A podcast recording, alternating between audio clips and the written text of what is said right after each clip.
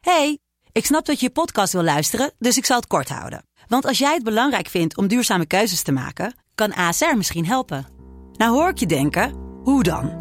Nou, bijvoorbeeld bij het duurzaam herstellen van schade. Of de premies die we beleggen volgens ons duurzaam beleggingsbeleid. Dat bepaalt waar we wel en juist niet in investeren.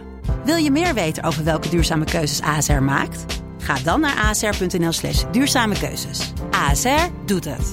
Zo, dan kan je nu lekker naar je podcast luisteren.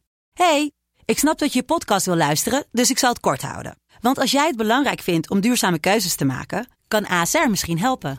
Nou hoor ik je denken, hoe dan? Nou, bijvoorbeeld bij het duurzaam herstellen van schade. Of de premies die we beleggen volgens ons duurzaam beleggingsbeleid. Dat bepaalt waar we wel en juist niet in investeren.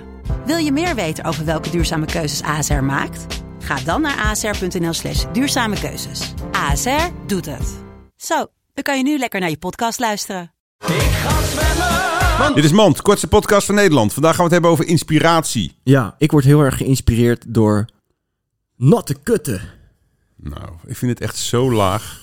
Serieus. Ik weet het niet meer. Ik schaam me dat ik hier zit. Sorry. Ik, ik ben eerst geïnspireerd van talent. ja, Als ik talent zie, ik ook. vooral onontdekt talent. Zoals Mart Hoogkamer, Wie is dat? die zinger van eh, Iets met Eh, we zwemmen. gaan Zwemmen! zwemmen in, in een... een- bad met zwemmen. Eh, in een Bacardi Lemon. Eh, Wat een verschrikkelijke gast. Vanavond. Maar dan vooral met die hele...